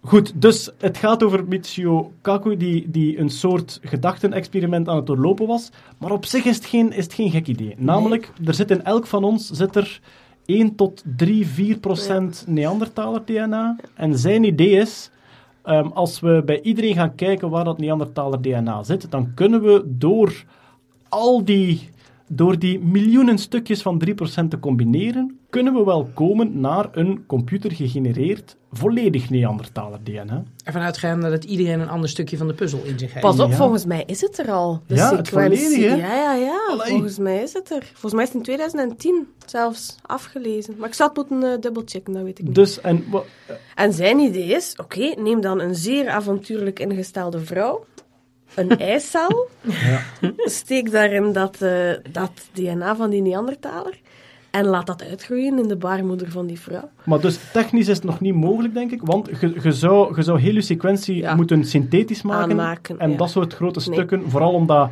heel, heel uw, ja, heel uw, ehm, heel uw DNA Ja, en op die chromatine, het Ja. opvouwen van DNA zou nog... Ja, pas op, ja, ze spreken om het in stamcellen te steken en dan die stamcellen te laten ontwikkelen. Ah, ik weet niet wat technologisch zo onhaalbaar is. Maar, maar, maar, het, is, Maar- het is weinig realistisch. eh, wat zeg ik? Het is absoluut niet onrealistisch om te zeggen: binnen 50 jaar zou de technisch gezien een Neandertaler kunnen geboren Ja. laten worden. Als je het al zou willen. En dan heb ik zoiets van, dit moeten we echt niet doen. Ja. Maar met mammoeten om klimaatverandering tegen te gaan, denk ik dat die, dat die weerstand er minder Nee, is. ik weet ook niet hoe, hoe, hoe bewust van een situatie of ze zelf een Neandertaler is in verhouding tot een, tot een eh, mammoet. Het, het idee van, van ethiek is Daar natuurlijk altijd komen, wel ja. Van, hoe zelfbewust is een wezen wat je aan het Ja. irriteren bent. Ja. Dat klopt, dat klopt. We, hebben. inderdaad, en, en dat is, dat is de. de dat is de absoluut meest zinnige en logisch rationele kant van dierenrechten. Gaat hem over wat is het bewustzijnsniveau van dat dier. hè. Een, een, een insect, zeggen sommigen, is bijna een robot. Een, een zoogdier heeft een hoger bewustzijnsniveau van, van dolfijnen bijvoorbeeld. Zie- zien we toch ook, ja, dolfijnen, olifanten wordt er gezegd, er zit zelfs rouw in, Ja. zeggen ze. Maar een Neandertaler, ja, die had toch ook werktuigen, kunstvormen, cultuurelementen, een samenhorigheid. Dus dat lijkt mij wel een, een, een zeer hoogbewuste levensvorm. hè. Daar, daar, daar gelden zelfs geen dierenrechten meer voor, dat staat echt al een stuk hoger. En wat doe je daarmee? Steek je dat in een zoo? Ehm, Nee. Dat is het meer. Kijk, in principe zo'n Ja. Neandertaler, kan, of weet dat, zo'n zo'n mammoet kan lekker gewoon op de steppen. Mhm. Als, hij zich, als het klopt en, en er gaan niet verschrikkelijke dingen mis met klonen, wat vaten. ja, dus een ja. ideale situatie. En, en hij is aangepast aan het klimaat, dan, is het in principe niet per se een slecht idee. Ja. Maar ik zou niet weten hoe een Neandertaler met ons als nare diersoort, als homo sapiens, hoe dat Hoe je die ooit moet gaan. Dat Ja, moet nee. een zo bijna worden of Ja. een... ja. En Ja. dan, eh, ja. Maar Dus, ja. ik denk, is de bezorgdheid is enerzijds die ethische kant, maar toch anderzijds ook dat we nog niet weten wat lange termijn effecten van sommige genen wel nemen en andere niet zijn, of van artificiële genen die zijn die dan even stabiel of Ja, weet ik veel wat dan, eh, absoluut. dan andere. Ik vind ook wel dat ze dat twee mammoeten moeten klonen, een manneke en een vrouw. Ja. Ja, anders- dat zou ik me ook te bedenken. Ja, dan ja. staat hij er helemaal alleen. Dat zou toch het meest interessante zijn ook. Dan zie je heel het paargedrag enzovoort. Maar er zit, er zit nog een vraag. Ik denk, dat vooral, ik denk dat vooral gedragspsychologen zich gaan afvragen... Gaat een, een zoogdier dat... eh, de- ja, bijna alle zoogdieren hebben een heel lange verzorgdheid. Worden lang door de moeder verzorgd of, of door de groep zelfs. En de vraag is, als je nu een diersoort... eh, onuitgestorven laat worden. De Engelse term is de-extinction. Ehm, gaat die dan onmiddellijk alle gedragingen instinctief in zich hebben? Of zijn er bepaalde dingen die hij eigenlijk had moeten meekrijgen en waar dat die, die incompleet gaan ontwikkelen? Nature nurture. ja. Is, is, eh, een, een insect kan je perfect klonen en dat komt uit en alles, alles doet hij vanzelf. Maar is er een soort ehm, onmisbare nurture factor bij een, een zoogdier? Ik weet het niet hoor, het is een open vraag. Hm. Ja. Bon, de mammoet klonen, ik vind het een spannend idee, maar als je er verder over nadenkt, komen er altijd extra vragen. Eh, ja, bon. eh, het is gelukkig nog niet aan de orde. En we hebben nog meer podcasts als het goed is te gaan. Dus, Ja. dus, dus deel voor lente moeten we het er nog vaker over hebben natuurlijk. Ja, voilà, inderdaad, bij de volgende fases. We gaan alweer verder naar het volgende onderwerp. En nu zitten we zowaar in de robotica. Want eh, vorige maand hadden we al een gelekt filmpje van de Mhm. nieuwe robot van Boston Dynamics. En nu was er het officiële filmpje, het gelekte filmpje. Wat, Hetzelfde. ja, nee. ja, ik, vond, ik vond van die... Van het, het gelekte filmpje, daar viel mijn mond al van open. Ja. Maar in het, in het nu getoonde filmpje staat er ook de manier waarop die bochten neemt, waarop dat die al rijdend op een tafel springt, Mhm. ruw terrein, bergop, bergaf, eh, twee wielen, vier poten, een beetje alles. Twee wielen en twee poten. Ja, nee, nee, maar ik kan ook op, ik kan ook op vier poten lopen als hij wil. Hè. Ik kan, ik kan, kan hij zijn wielen niet... eh, de uitsteeksels waar zijn wielen op zit, kan hij volgens mij ook als poten gebruiken. Niet gezien in het Nee? filmpje. Ah, oké, dan, dan ben ik niet... Hoe dan ook supercool. Ja, super Maar cool in ieder geval, ja. gigantisch, gigantisch coole ehm, eh, robot. En alweer zo de, de, de zoveelste gigantische stunt van Boston Hmm. Dynamics. Enfin, stunt, ze, ze doen het als onderzoek, hè, maar, maar voor ons indrukwekkende stunt van Boston Dynamics. Alleen, weet er nu al iemand wat ze willen doen met de robots? Dat is Alphabet zijn raadsel, hè. Alphabet Zo- van Google. Ja, dat is het moederbedrijf die dat... Boston Dynamics. Maar Boston Dynamics stond ook te koop, had ik zo gelezen. Dat is Waar? Ja, het is meer zo door Toyota en door ehm, de automobiel en ah, dat soort industrie die dat dan dit als prestige of onderzoeksproject doet, denk ik. Maar het is zeer cool wat dat hem kan. En ehm, het is vooral heel cool hoe dat hem zijn evenwicht houdt. En eigenlijk zijn, zijn battery pack, wat het grootste gewicht is waarschijnlijk, ook gewoon constant als tegengewicht gebruikt. Dus eigenlijk van, van de last een, een voordeel maakt en er eigenlijk ook heel veel snelheidswinst mee maakt. En op het moment dat hij bijvoorbeeld zijn sprong aanzet om op die tafel te geraken, ziet hem heel hard dat eigenlijk in een soort momentum mee omhoog gooien. En dat is wel heel mooi om te zien dat Dus als er, als er mensen niet- nog niet gezien zouden hebben, het is een, eh, een norm, de vorige robot was ongeveer de grootte van een ezel op vier poten. En nu staat hij gewoon op zijn achterpoten en onder die achterpoten zitten wielen. En hij houdt zijn evenwicht door, zoals wij op twee benen lopen, rijdt hij rond op twee wielen. Maar al rijdend springt hij ook een meter hoog op Eh, ja, op grotere Maar hij kan hoger springen, want zo, het einde van het... er, wordt zo, er worden wel wat technische specificaties gegeven, maar in het filmpje zelf ziet je hem zo stiekem iets hoger springen, maar het is heel kikkersperspectief, dus je bent misschien een beetje gefopt van hoe hoog dat hij wel springt. Ja. Maar eh, ja, er zijn nog wel wat robots tussen, hè. Tussen de... de de mule en de, Mule, en de eh, huidige. Ja. ja. Ah ja, Atlas, de tweevoeter, zit er ook Voilà. tussen. Maar vooral ook, ah, ik weet dat natuurlijk niet op het filmpje zelf, maar waarom dat bijvoorbeeld de mule, ah, die ezel, die was voor het leger gemaakt toen dat het nog van DARPA was. Zo het onderzoek van het leger. En die is toen afgevoerd omwille van het feit dat die te lawaaierig was. Ja, dat is waar. Zo, ja, nogal een strategisch een nadeel voor een leger. Maar ten deze, ehm, ja, het zou kunnen, ik weet het niet zeker, maar als je nu het geluid hoort, je hoort natuurlijk wel geluid, maar hij is een pak stiller. Ah, Hij ik is elektrisch. De, ja, hij de is vorige was hydraulisch. en een beetje eh, hydraulisch ook nog. Maar het is vooral inderdaad elektromotoren. En, en dat is gewoon, ja, het is precies, het is, het is op een manier ook creepy, want je hoort die niet zo goed aankomen en ineens... Veel mensen waren, werden bang van het filmpje. Ja. Ik stond in een soort bewondering. Veel mensen werden bang van het filmpje. Vooral ook, en dat, dat had vanaf Big Dog al, dus e- Ja. zo de eerste Die grote verrassing. Helemaal akelig, hè. Ja, Om, dit al beter. om, omdat die zo biologisch bewegen. Hè. Ja. Je ziet ook nu, als hij die bochten neemt, dat is, dat is een schaatser die rondrijdt. Ja. Die gaat, hij gaat door... Kijk, ik spreek al in een soort persoonsvorm. hij gaat door zijn knieën. En ook, en dat is volgens mij de grote truc, dat zoals dat een, een, een mens of een dier dat loopt en beweegt en bochten neemt en springt, hij anticipeert constant op wat zijn zwaartepunt gaat doen Ja, absoluut. Ja. Als hij die beweging Nu was volgens mij ook een truc is dat ze nu hebben gedaan, is deze heeft maar, zeggen ze dan, 10 ledematen, dus Ja. 10 vrijheidsgraden. En dat zijn er minder dan vroeger. Maar daardoor, ja, dat is enorm veel berekeningen dat je moet doen om inderdaad te voorspellen waar ga ik mijn zwaartepunt moeten leggen. Natuurlijk, als je minder vrijheidsgraden hebt en dan wel nog de juiste, worden die berekeningen al iets minder complex. En ik denk dat ze dat daardoor zo snel en nog in real time kunnen gedaan krijgen. Zitten we niet in die uncanny valley? Dat, dat, dat het probleem is dat iedereen het steeds meer creepy begint te vinden? Hij, is, hij is redelijk... Hij hij is niet menselijk, hij heeft geen gezicht of zo. Hè. Nee, maar het is wel dat dus Uncanny Valley is het idee, dat dacht ik, dat, dat op het moment dat het bijna echt is, Ja. dat je het dan super creepy, creepy vindt. ja. En, en dus iets zoals een fabrieksrobot, dat, dat snap je, dat is allemaal Ja. simpel. En, en het is gewoon in principe een net iets snellere boormachine. Nou, dat is niet eng. Maar je hebt inderdaad een paar van die, die gekke Japanners die, die zeg maar hun, hun, hun evenbeeld hebben gemaakt van een robot. Die man met de grote bril en zo. Dat ziet er freaking creepy uit. Maar ik bedoel, ook bij deze vond ik wel dat de manier waarop die inderdaad organisch Mhm. bewoog overeind kwam.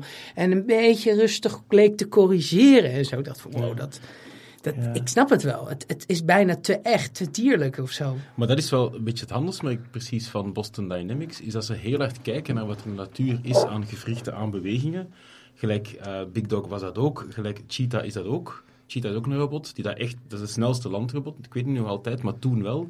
Die dat echt, ze hebben heel hard bestudeerd en een cheetah beweegt met zijn ledematen. Gewoon dat een maakt- bio- ja. biomimicry, zeg Ja, maar. voilà, inderdaad, ja.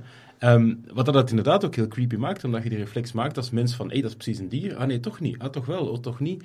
Omdat het ook heel vloeiend zijn bewegingen. Het is, het is absoluut totaal anders dan de robot van... eh, eh, eh, en zoals Robocop bijvoorbeeld. Ja, voilà. En, en, en, en dat, is, dat is heel cool dat ze ze hydraulisch en, en elektronisch en dingen allemaal aangestuurd krijgen, maar het maakt het een beetje creepy, maar... Zwat. Ja, en ik zit nog altijd met, met die grote vraag. Dus Boston Dynamics, vroeger van het leger, daarna overgekocht door Google. En dus Alphabet, zo'n beetje het, het innovatie, het ja, veel geheime projecten en innovatiedingen van Google. Ja. Iedereen vroeg zich af, wat willen ze daarmee doen? Maar goed, ik, volg, ik de robotica een beetje, en dat is dan de academische robotica met die, met die Robocup. hè, Dus waar je een WK voetbal hebt voor robots, en reddingsrobots en huishoudrobots. En als ik zie hoe very early prototyping gammel qua hardware en software en onstabiel en dingen gaan stuk. Dan heb je Asimo van Honda, wat dat dan al, die al gigantisch veel verder staat. Maar die Boston Dynamics, die staan zoveel verder dan... Ahead of all competition. Onwaarschijnlijk, Ja. maar zo. En dat, dat, dat vind ik zeer bizar. Robotics is een, ja, een, een, een zeer gegeerd onderzoeksveld, is een heel populair onderzoeksveld, dat wereldwijd beoefend wordt.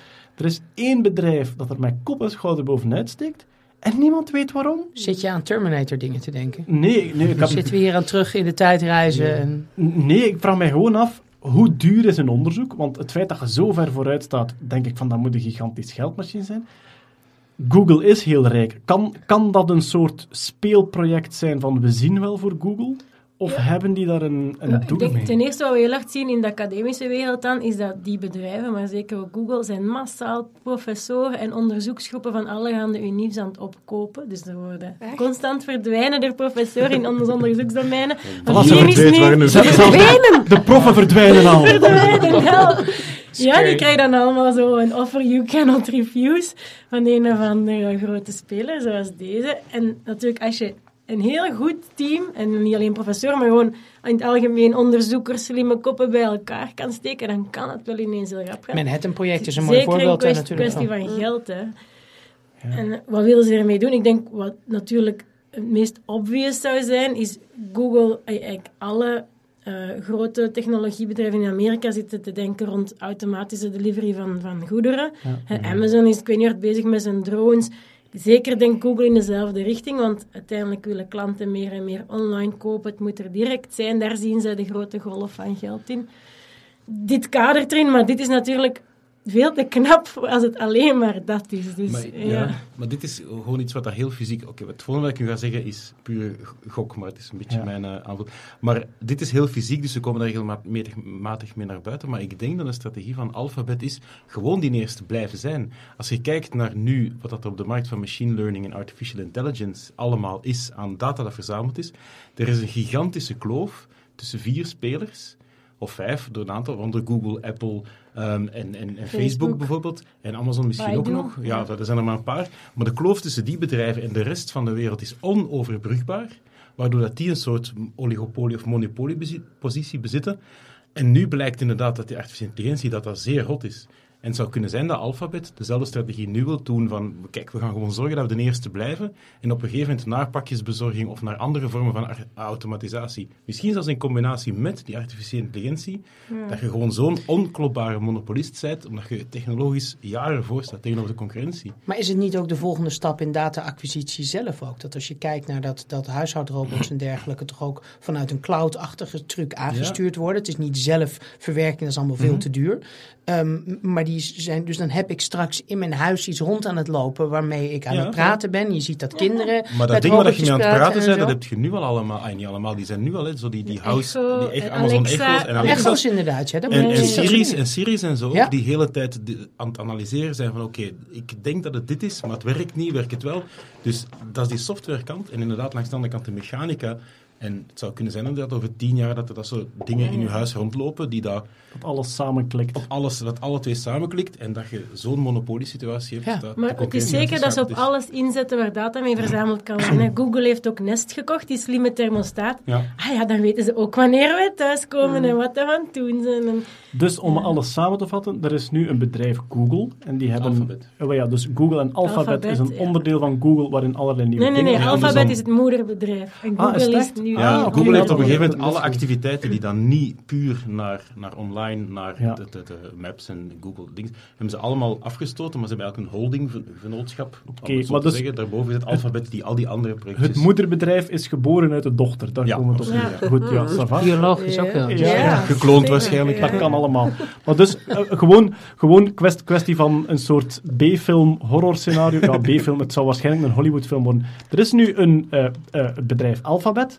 En ehm, eh, als we kijken naar de projecten waar ze nu mee bezig zijn, en we projecteren die naar over tien jaar, dan gaan die over tien jaar de beste artificiële intelligentie hebben, de beste mechanische robots en de beste data-analyse van alle mensen op de Je wereld. vergeet nog dat Google ook Verily heeft. Dat is een life science... Nee, Alphabet heeft ook Verily onder zich, een life science bedrijf. Die maken van die contactlenzen die voortdurend Ah, ja. je gezondheid monitoren. En van die implanteerbare chipjes. En, dus ze gaan ook Oh, in ons Ook in het lichaam. Ja. En, Wat, wat eh, Musk gezegd heeft eigenlijk, dat mens en machine één moeten worden, Ja. of meer contact moeten hebben. Zo. En eh 23andMe, het, Ja. het DNA-analysebedrijf, is eigendom van de vrouw van Larry Page. Dus de vrouw van, Ah, de, van, de, van, de, van de Google-man. Goed, Swat, ehm, ze, ze hebben ons Mhm. volledig in hun Maar bezit. het allerbelangrijkste, lief, is... Ik weet niet wat jij op je rekening hebt staan... maar als wij nou samen Boston Dynamics kunnen overnemen... dan kunnen we robotworst tot in de lengte der dagen winnen. en gaan we naar Engeland... en dan nemen we gewoon die hele... Nee, en dan... en dan in één keer is het gewoon klaar. Als we nu morgen een Kickstarter beginnen, gewoon echt zo'n lullig filmpje van Goeiedag, we willen graag Boston Dynamics scoren. Voor 10 euro wordt u een premium member. een shirtje. Voor 15 euro een t-shirt. We doen het. Voor 20 euro mag je hem komen aaien. komt hij koffie brengen 's morgens. Goed, Boston Dynamics. Ik heb nog één groot onderwerp staan en de rest doen we dan heel snel als kleine onderwerpen. Ik heb nog één groot onderwerp staan, omdat ja, eh, Elon Musk was nog niet ter sprake gekomen en dat moet toch elke maand gebeuren. En een beetje toch? Ah ja, dat is Ja, juist, ik heb hem al vernoemd bij de, ja. maar nog niet als hoofdonderwerp. En ja, hij heeft toch, ja, hij heeft toch, eh, voor, ehm, voor consternatie gezorgd. Eh, er was dan plotseling een aankondiging van eh, SpaceX geeft morgen een persconferentie. Af en toe zien we dat is, de NASA is daar zeer goed in, om te zeggen van groot nieuws morgen! En dan zo, er is een nieuw molecuul. Enfin, we hadden het al gezien, maar het is, het is nu in een andere vorm. Dat, dat hebben die wel eens. En dus bij SpaceX denkt iedereen ook van ja, we zullen wel zien. En oh, goed, het nieuws was dus, er, er gaat twee man als ruimtetoerist volgend jaar, volgend jaar was het toch hè? 2018. ja. 2018 een toertje rond de maan vliegen. God, miljard. Ja, ten eerste gaat het ze lukken. Als vraag of als statement? Nee, als vraag, ja. Eh, Gaan, gaan ze het doen? Ja, ja nou, het, het is wel krap hoor. Ik bedoel, ik kan best wel wat beelden herinneren van, van zowel... Kijk, er zijn, er zijn eigenlijk drie plekken waarop het mis kan gaan. Dat is zeg maar de, de, het lanceren. Eh, de landing, het weer terug de dampkring ingaan en alles wat er tussenin zit. dat, dat zijn een beetje de drie plekken waarop het heel lastig gaat worden. En, en ik heb bij alle drie toch wel vrij categorisch exploderende eh, hero, eh, hoe heet dat, GoPro-achtige shots gezien. Dus ja, het, het is wel, het is niet gegeven hoor, dat het goed gaat. Dat is, Ja, waar, dat is zeker waar, maar... ehm, ja, zwart, het is wel Elon Musk dat het zegt. Dat is waar. Het voordeel is allee, dat, dat een, overheid is minder... ehm, een NASA is enorm publieke opinie. Dus Ja. op het moment dat er een astronaut eh, eh, overlijdt... wat gewoon, het, het gebeurt gewoon, want het is een heel gevaarlijk werk... dat is gewoon echt een probleem met budgetten en congressen... Mm. en meningen en presidenten. En nou ja, de president op dit moment is ook niet ideaal, zou ik maar zeggen... wat betreft wetenschap. Ehm, en dat is wel het voordeel van een Musk... die gewoon zegt van ja, ik stop er gewoon weer eens 3 miljard van mijn eigen geld in... en ik bid maar dat het net Ja. voor de afgrond weer lukt. En steeds lukt hem dat net op tijd. Dus ja, het zou Dus best is, kunnen, er, maar... is er trouwens ook niet die premie? Er is toch een... Ik weet de naam niet meer, maar er is zo'n premie voor de eerste ruimtetoeristreizen dat je daar... Ik had daar nog niet aan eh, of commerciële ruimtevluchten. dat Ik je had daar nog niet aan gedacht, dat is waar. Er, er, is, zo, er is een premie voor, de, voor het ruimtetoerisme, Ik waar dat... Is dat Waar- niet de Google X Prize of zo? Nee, nee, dat, is- dat is de, die hebben zo'n Lunar X Prize. Hè. Dat is, Ja. dat, dat, daarvoor moet je naar de maan. Maar voor het eerste ruimtetoerisme, dus een commercieel privébedrijf, dat iemand eh, in de ruimte brengt, wat dus officieel 100 kilometer is. En dat is dat waar Virgin Atlantic op aan het azen is. En ehm, hoe heette die andere? Blue nog iets? Van Amazon. Is dat... Ja, die, Blue die Origin. Blue Origin, die raket die recht omhoog stijgt en dan terug naar beneden komt. Maar wie reikt die premie uit? Dat is Ja. iets die al heel lang staat, maar ik weet niet van wie die, van wie die Het komt. VVV van Hasselt of zo. Ik denk dat dat iets DARPA-achtig is. Ik weet niet. Waarschijnlijk, maar ja. het is- Ehm, je moet daar ja. wel, het zijn wel bizarre investeringen. Ik ben voornamelijk benieuwd wat dan zo'n prijs is. Want als je zegt, we loven er 2500 euro uit voor het eerste bedrijf dat hier een rondje rond de maan brengt. Eeuwige Nou, roem. Maar ja, maar goed, dus u, u, ehm, het, hetgeen wat je net zegt, Diederik, van ehm, lancering, baan rond de maan, drie dagen in de ruimte, ehm, eh, alle voorzieningen enzovoort, en dan terug landen binnen het jaar. Dat klopt, hè. Dat, is, dat is waanzin. Ja, ze hebben een aantal Maar- dingen gewoon echt niet getest. En dat is, bij die, en dat is zo grappig. Bij Apollo was dat ook zo. Dat ze gewoon ja, landen op de maan konden ze niet zo makkelijk testen. Want Ja. dat was nog vrij nieuw, zou ik maar zeggen. Dus, dus ze hebben echt een aantal dingen, ook van naar mijn weten, gewoon met SpaceX nog lang niet getest. Een rondje rond de maan. Hebben ze ook volgens mij nog niet gedaan. Maar dat is toch al gelukt? Ooit. Ja. Ja, ja, wacht. Ja, maar dus dat, dat, is, dat is het grote pro-argument, dat je zegt van ja, in de jaren 60 Ja, was, er plots, al.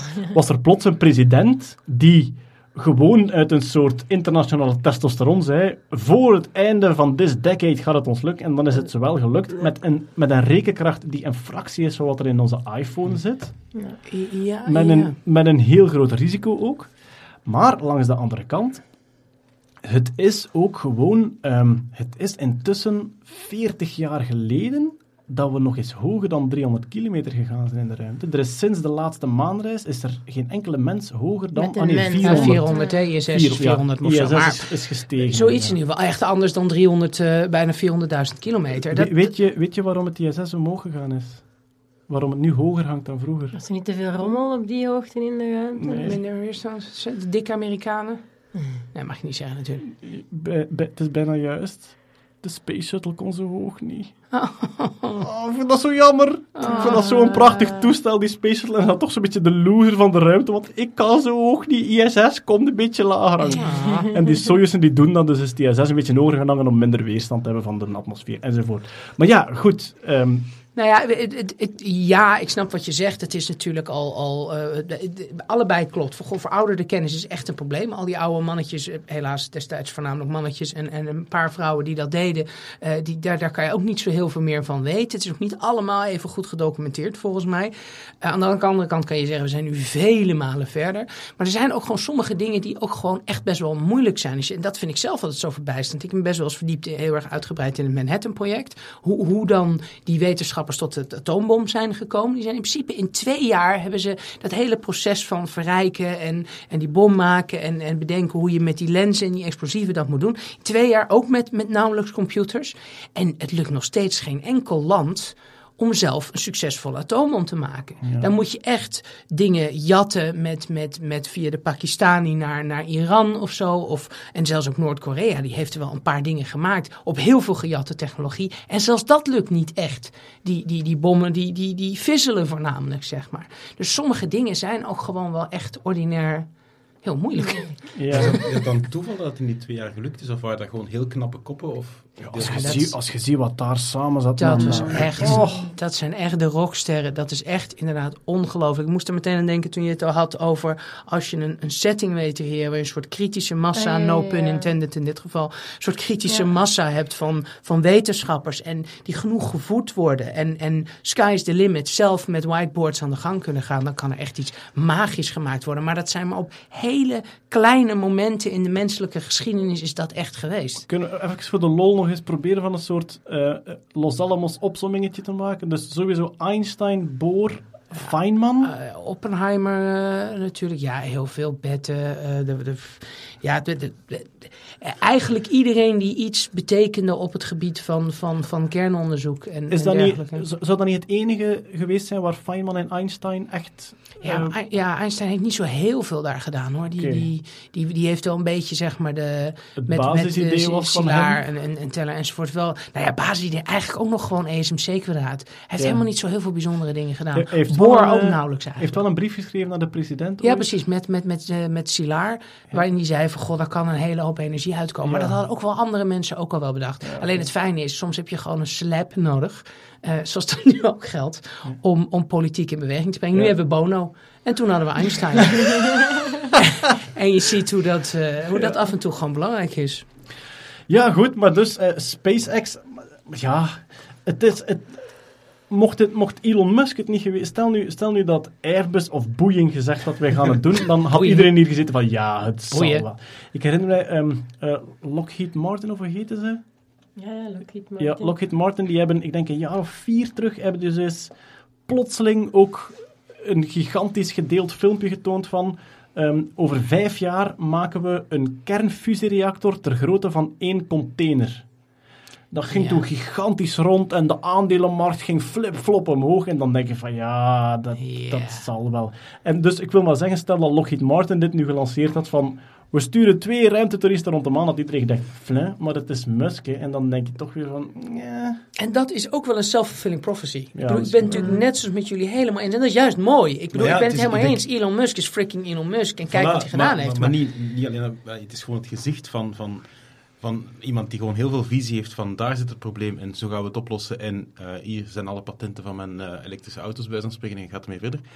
Maar ik denk dat dat een gigantische aantrekkingskracht kan zijn voor dat soort slimme koppen. Doel, hij is erin geslaagd om raketten verticaal te laten landen. Hij is, hij is erin geslaagd om, om heel goed te kunnen kijken van, weet je wat, ik ga gewoon een hele chique auto maken, die is veel te duur, daar gaat heel weinig volk die kunnen kopen, maar de mensen die hem gaan kopen, die gaan een voorbeeld zijn en dan gaan mensen naar opkijken en toestaan en dan zit een hele beweging in gang. En kijk nu wat er aan elektrische wagens, aan, aan ieder merk mm. heeft zijn elektrische wagens. Ja. En de voorspellingen zijn er over x aantal jaar. Ja, een benzinewagen krijgt de status van een paard. Hè. Ja. Dat is iets wat je zo een cruisewagen in het weekend zo'n keer, heel veel heel rijke mensen, oeh, benzine, dat gaat heel duur zijn.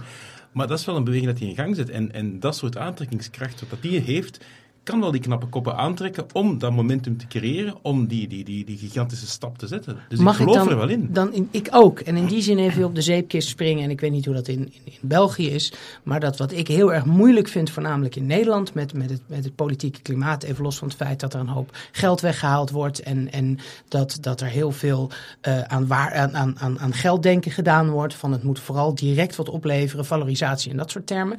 Maar misschien even los daarvan, waar ik me heel erg aan erger is een gebrek aan visie en aan megalomane doelen. En wat een Elon Musk doet en wat Kennedy deed en wat uh, uh, Roosevelt deed um, met, met Manhattan-project en Apollo-project en, en nou ja, Elon Musk met zijn uh, projectjes, is gewoon, ik zet een stip achterlijk ver in de horizon, want dat inspireert mensen. Dat Ja. trekt gewoon de meest knappe koppen aan, want die willen niet doorrekenen hoe een Toyota Prius anderhalf procent zuiniger wordt. Dat is niet motiverend. Dus als de politiek alleen maar op dat soort kleine dingen blijft focussen en niet zoals in Nederland gebeurd is op een gegeven moment tijdens de economische crisis gaan we een afsluitdijk bouwen. Ik bedoel, natuurlijk kan je zeggen daar hebben we geen geld voor. Aan de andere kant, we gaan gewoon wat doen, we gaan gewoon wat opleveren. Dat mensen als Lorentz, de grootste wetenschapper ja.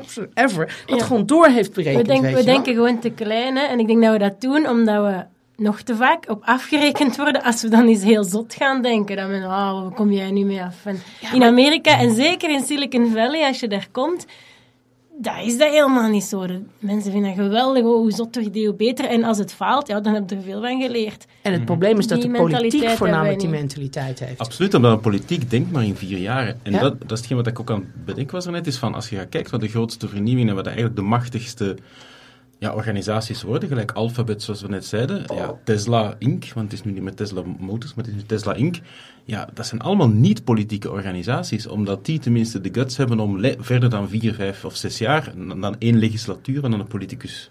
Maar gek genoeg is een bedrijf kan failliet gaan.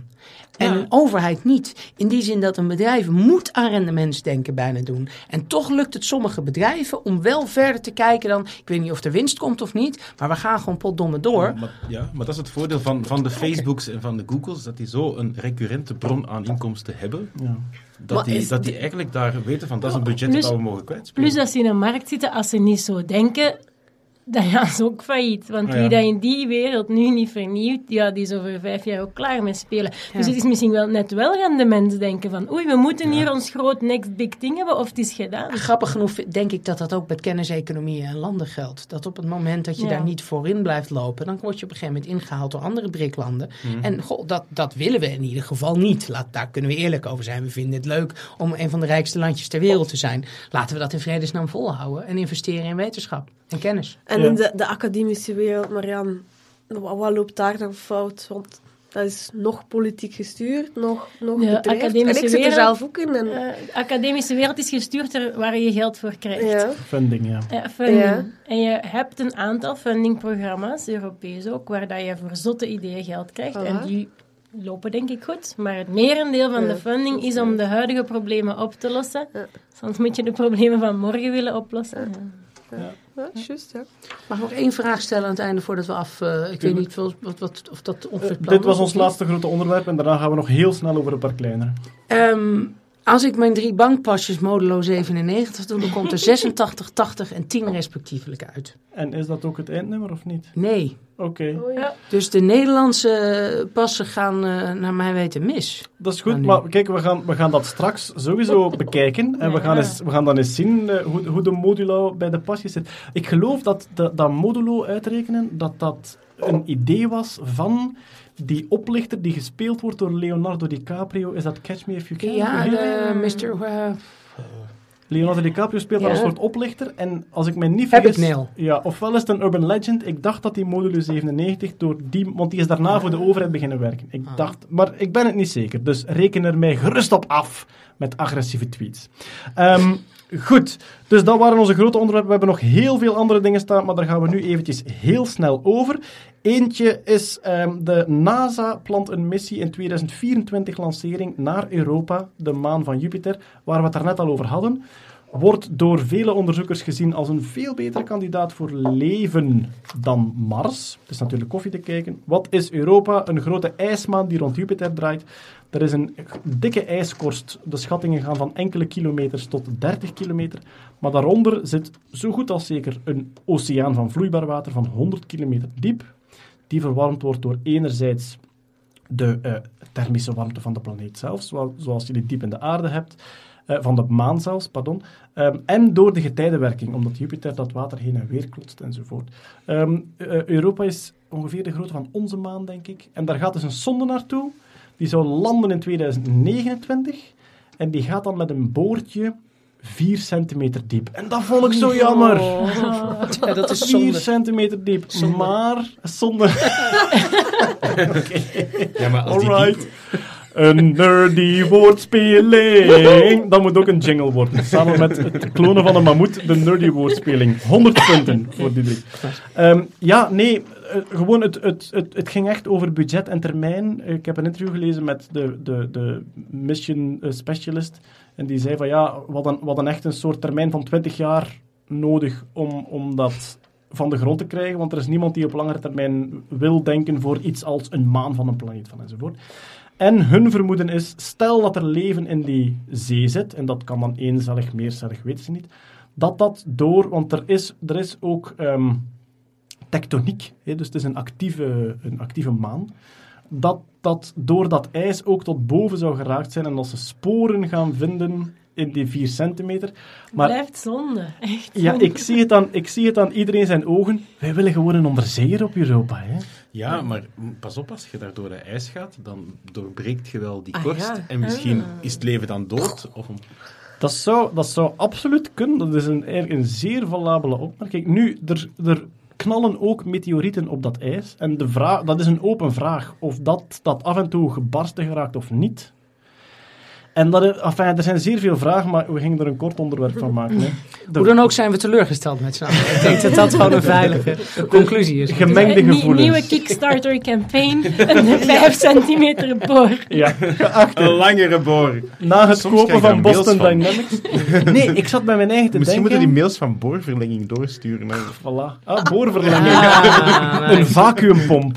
het gaat uiteindelijk niet om hoe lang het is, maar wat je ermee doet. toch? dat is... The motion in the ocean. Yes. Letterlijk alweer. Eh, nee, ik zat bij mijn eigen te denken, als je nu gewoon een soort sondeke bouwt dat zichzelf verhit en je maakt daar een hele lange tetherdraad aan, naar dan beneden smelt. komt je toch ook wel tot beneden. Ik weet niet hoe, ja. hoe lang je die warmte kan genereren. En dan je moet ergens energie vandaan halen natuurlijk. Ja, dat zou kunnen. Het, het- wel in het kader van het leven een beetje in- met rust laten, wat er al een beetje geopperd werd. Ja. Zou ik met je plutoniumbron een beetje opletten? Dat is goed, maar dus... Bon, de, de gemengde gevoelens, maar ik ben toch content dat we naar Europa gaan, want ik, ik geef af en toe lezingen over, over de vergelijking van Drake, hè. hoeveel leven zou er kunnen zijn in de rest van de Melkweg. En ehm, we hebben het altijd over sterren hier ver vandaan. Op Mars zijn we aan het zoeken, hè.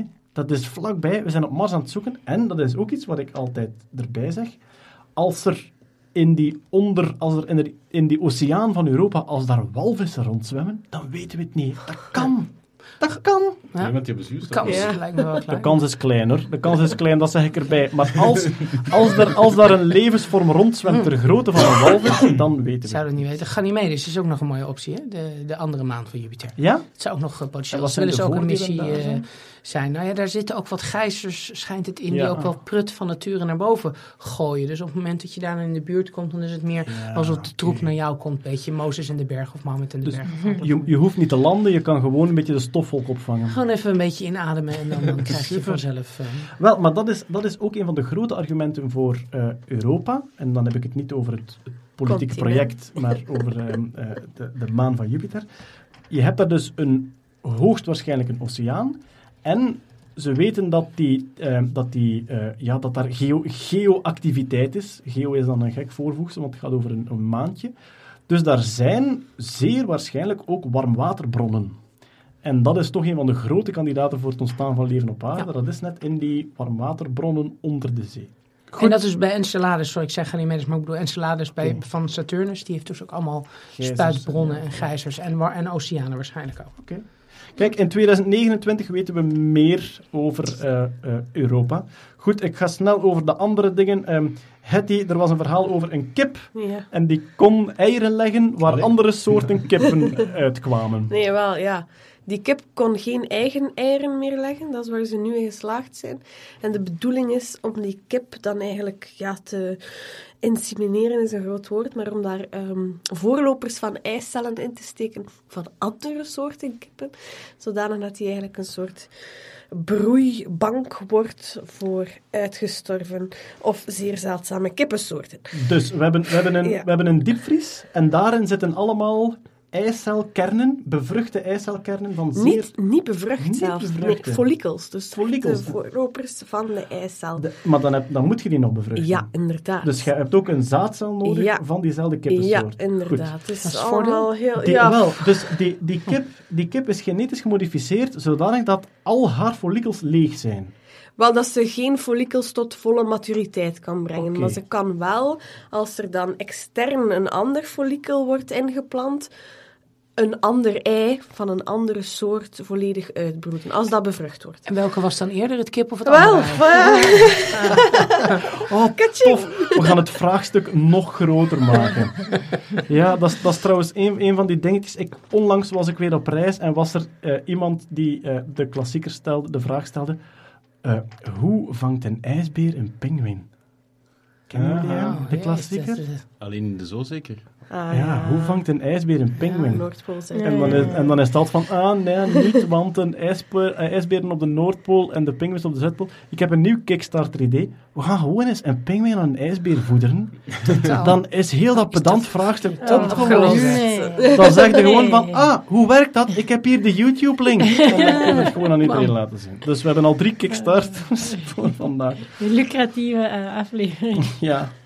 Eh, vliegende auto's zijn zodanig hot de laatste tijd.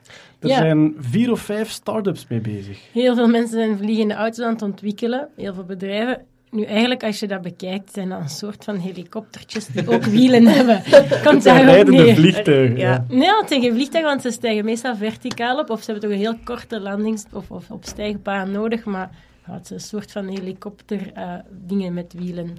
Ja. Maar of dat nu ooit... Van de Uber is er nu, Uber is er nu ook. Shit, die was er net voor. Dus ehm eh, even, wat, wat er inderdaad, wat er deze maand het nieuws was, was dat Uber heeft een Ja. ingenieur gekocht van de NASA. Dat is ook weer normaal Weer het koop- wegkopen, ja. Voilà, dat maar gebeurt niet- volle Maar niet. niet eens van hun universiteit, direct van de NASA. Ja, Dat ja. is Thinking Big. Dus Uber heeft een ingenieur overgekocht, 30 jaar ervaring bij NASA. En het plan is om vertical take-off electric flying vehicles te ontwikkelen. Dus Ja. het moet elektrisch zijn, ze moeten verticaal opstijgen. En de bedoeling is dat je in plaats van een taxi dus ook een soort elektrische Ja, en helikopter kan ju- in bestellen. juli beginnen ze al te vliegen in Dubai. Ja, Dubai heeft een ander project. Eh, eh, dat gaat, die gaan een stapje verder. Daar gaat het over eh, autonome, zelfvliegende... Eigenlijk zijn het drones. Je- Er zijn beelden van. Eh, het, het, het ding heet, eh, heet EHang 84. En het is een soort gigantische drone met een soort skilift-module op.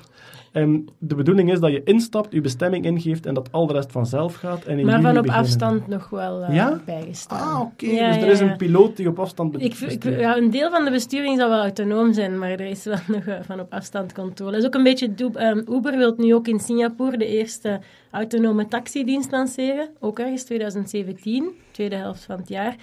Maar ook daar zit er wel een controlecentrum die regelmatig nog eens zal ingrijpen op Ja. plaatsen waar het misgaat. Zelfrijdende auto's, maar gemonitord vanuit eh, Ja. een centraal bestuur. Het lastige is dat je af kan vragen of dat beter is. Omdat als je kijkt naar Mm. hoe lang mensen nodig hebben uit onderzoek om weer alert mee te kunnen doen met een verkeerssituatie. Als ze dat helemaal niet zijn, is iets van zeven seconden.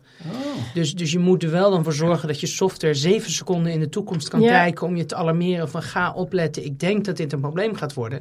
En dat, dat Nee, wat er hier gebeurt is, die zelfrijdende auto's zijn zo geprogrammeerd dat als er een gevaarlijke situatie is, dan beginnen die echt belachelijk traag te rijden en te flikkeren. En op een duur kan er dan een mens het overnemen. Maar eerst doen die zo heel... eh, Ja, oké, eerst in de, op, de, op de rem, en, zeg eh, maar. gebeurt- Gewoon op de A2 of de, gewoon. Dus Ja. mi- Terug mis- naar 30 misschien bestaat die file rond Brussel nu al uit zelfrijdende auto's. Nu, om Elon Musk nog eens terug naar boven te brengen.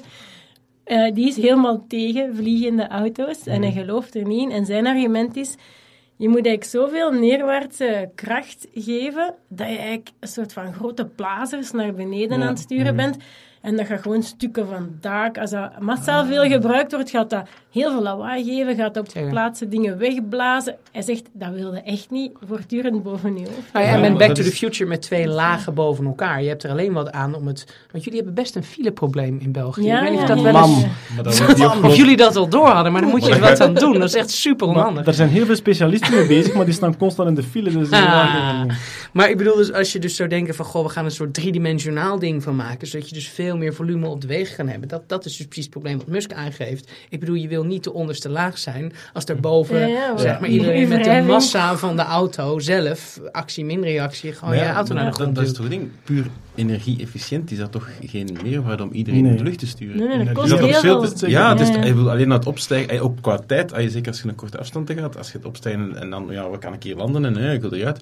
Als je gewoon, gewoon je maakt tunnels, ah, je maakt bevoorrechte rijstroken van punt A naar punt B, maar wel op de weg, zodanig dat je je geen energie moet steken om op 10 meter te gaan hangen. Ja, Zeker, maar ja, ik, er zijn vast plekken in Brussel waar je gewoon niet meer breder kan, kan ik me voorstellen. Of wel dieper, hè? Of over, in Antwerpen loopt dus wel een projectje een paar jaren om zo mogelijk Is dat al helemaal af? eh? Bijna, bijna. Maar ik ga, nog, ik ga nog één bedrijf noemen, want we hebben dus inderdaad, we hebben eh, Dubai hebben we gehad, EHang 84, Airbus is met een project bezig, project Vahana, ook zo ehm, ehm, van die, eh, ja, eh, er zijn een paar buzzwords en dat is vertical takeoff, eh, elektrisch en autonoom. En die gaan de eerste commerciële vluchtplannen die in 2021 al.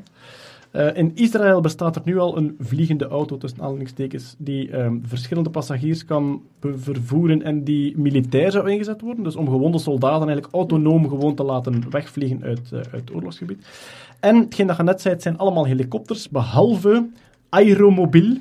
En dat is echt gewoon, dat is een auto die op de weg mag, dus die alle afmetingen van de weg heeft, waarmee dat je naar een, ehm, een vlakke strip die lang genoeg is rijdt, er klappen vleugels uit en je stijgt gewoon op als vliegtuig. Het ding bestaat, het prototype vliegt al en ze zijn aan het kijken om het te beginnen produceren. Alleen sowieso enkel voor de super rich.